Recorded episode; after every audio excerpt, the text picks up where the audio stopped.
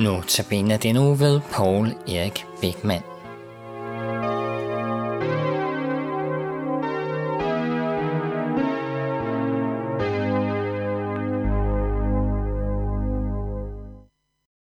Så siger vi velkommen til denne uges Notabene-portræt på Københavns Nærradio. I teknikken sidder Jan Nørgaard, og her i studiet sidder øh, øh, Paul Erik Beckmann, som skal holde Notabene andagt for os i den øh, kommende uge. Og så sidder jeg her, og mit navn det er Viggo Vive. Paul Erik, jeg ved jo, at du har holdt øh, Notabene-udsendelser for os tidligere. Ja. Men jeg synes alligevel, øh, for god ordens skyld, kunne du så ikke bare lige præsentere dig selv lidt? Lidt, jo. At jeg er tidligere sovnepræst Ja. i Melby i Nordsjælland, hvor jeg har været i 17 år, knappen op, og Elias Kirken på Vesterbro, hvor jeg har været i 3 år, og det første embede havde blandt eskimoerne i Nordkanada i byen Hopedale. Det var koldt, men det var et dejligt sted at være, og der var et fjernsyn i byen, da jeg var der, og nu har jeg forbindelse med cirka 100 af beboerne, der hver sidder og arbejder med Facebook. Mm-hmm. Så det er sådan en lille menighed, jeg har fået efter, at jeg er blevet pensioneret. Og den er jeg meget taknemmelig for. Det er en daglig inspiration, og mange beder om forbøn og hjælp, fordi de har vanskeligheder, som man altid har haft ved de kanter. Paul Erik, jeg skal lige spørge, øh, eller det får mig til at spørge, når du nu nævner, at du har været øh, i, øh, var det Nordkanada. Ja, Hvordan fandt du på at rejse derop? Jamen, det var fordi, da jeg var færdig med at læse til præst, så var jeg, havde jeg ikke lyst til at blive præst i Danmark. Det kunne jeg ikke rigtig forestille mig. Nej. Og øh, Agnete Simeno, Ja. som var min klassekammerat på seminaret, hun var i Afrika. Py, jeg tænkte, det må være frygtelig varmt der. Det havde jeg heller ikke lyst til. Og så stod der en annonce i Kristi Dagblad, at man manglede en præst oppe i Eskimoerne i Nordkanada. Og så var jeg da sikker på, at varmen kom man da ikke til at døje med på de kanter der. Nej. Og øh, så søgte jeg stillingen der, efter samtale med min øh, familie, og det har jeg været meget, meget glad for.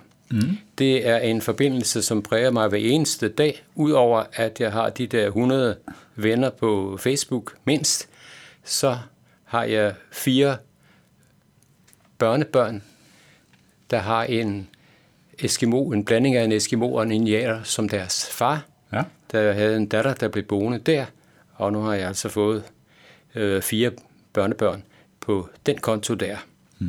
Spændende. Så det præger mig naturligvis øh, Ja. hver eneste dag.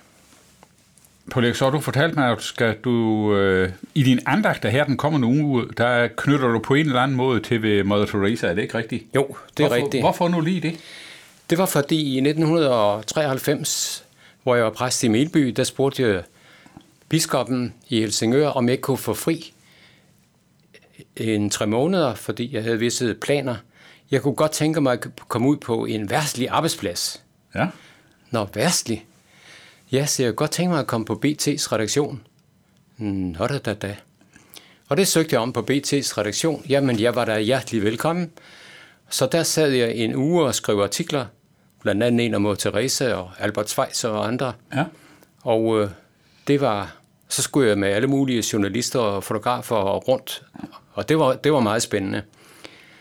Jamen, det kunne jeg godt få overlov til, og så sagde jeg, så ville jeg gerne på en nødløbsrejse for Mission Øst til Albanien, og så en Mor Teresa-rejse til Fjernøsten. Ja. Jamen, det var da ganske udmærket formål, så jeg fik fri i tre måneder. Ja. Og det var fantastisk at komme og møde mod Teresa. Det var sådan en ekstra gevinst, skønt jeg aldrig nogensinde har strikket et eneste tæppe, som mange har slidt og slæbt med i årvis. Ja. Og hun er jo altså fascinerende og inkluderende og provokerende. Mm-hmm. Hun er peber i næsen for mange i den vestlige verden, blandt andet hendes udtalelse om, at de nationer, der praktiserer fosterdrab, de er dog de allerfattigste i verden. Mm. Og de allerfattigste i verden, det er dem, der bor i den vestlige verden. Det er dem, der ikke kan smile hele tiden, ligesom de indiske børn kan. Og hun nævner mange ting, hvor Vi er de rige derovre i Fjernøsten. Ja. Der, hvor de ellers er fattige alle sammen. Så, og man kan bare se her på det seneste en politiker i København, der protesterer mod, at man opkalder en gade i et Nobelpriskvarter efter mod Teresa på grund af hendes holdning til øh, modstand mod abort. Mm. Men øh, det bliver nu sådan, så der kommer en mod Teresa-gade her. Ja. Men det er en fascinerende historie, Ja. og det, der fascinerer mig, det er, det, hvad kan vi så bruge sådan en fascinerende historie til? Hmm. Hun har skabt åbne hjerter stort set i hele verden, og åbne døre. Hun kan gå ind og ud hos de mest fornemme i, i verden, og hun har skabt åbne tegnebøger over alt. Hmm. Der kommer så mange midler til hende, at folk ligefrem har, har dårligt af det. Hvad kan vi selv bruge det til?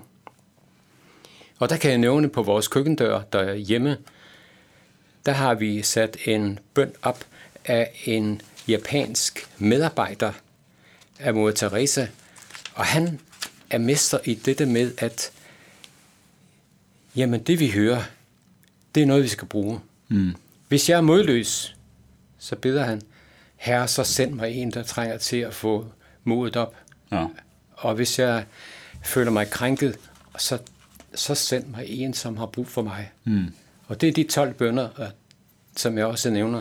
Og det synes jeg er meget fascinerende. Hvad kan vi bruge det hele til? Netop. Og så er det fascinerende, at i Albanien, hvor hun altså kom fra øh, forældre der, der var der jo diktatur, verdens første ateistiske stat.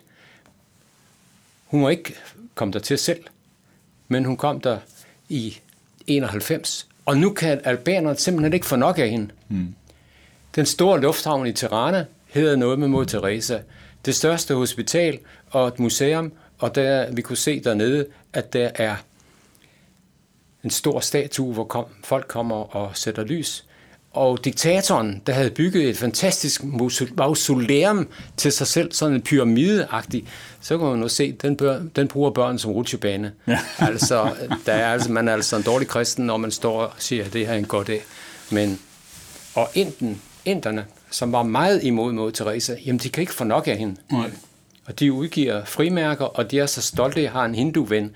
Han, han er bare så glad for mod Teresa. De kan ikke få nok af hende. Nej. Modstanden mod hende var stor, men hendes holdning, jamen så er hun en af vores. Mm. Og albanerne har sagt, vi skal altså have mor Teresas jordiske rester tilbage, fordi så skal hun hvile der, hvor hendes mor og hendes søster hviler. Kan vi ikke få det tilbage? Nej, siger præsidenten derovre fra Indien. Hun hører hjemme her. Jamen, lige præcis. Så, så slåsede de om mod Teresas jord, jordiske rester. De kan ikke få nok af hende.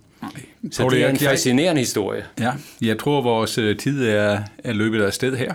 Men vi vil i hvert fald her fra Københavns Nærradio sige tak, fordi du vil holde notabene for os endnu en gang. Tak. Vi var, håber, det kan gentage sig ja, jeg har lovet det allerede i 17. Nå, okay, det var, det var jo dejligt.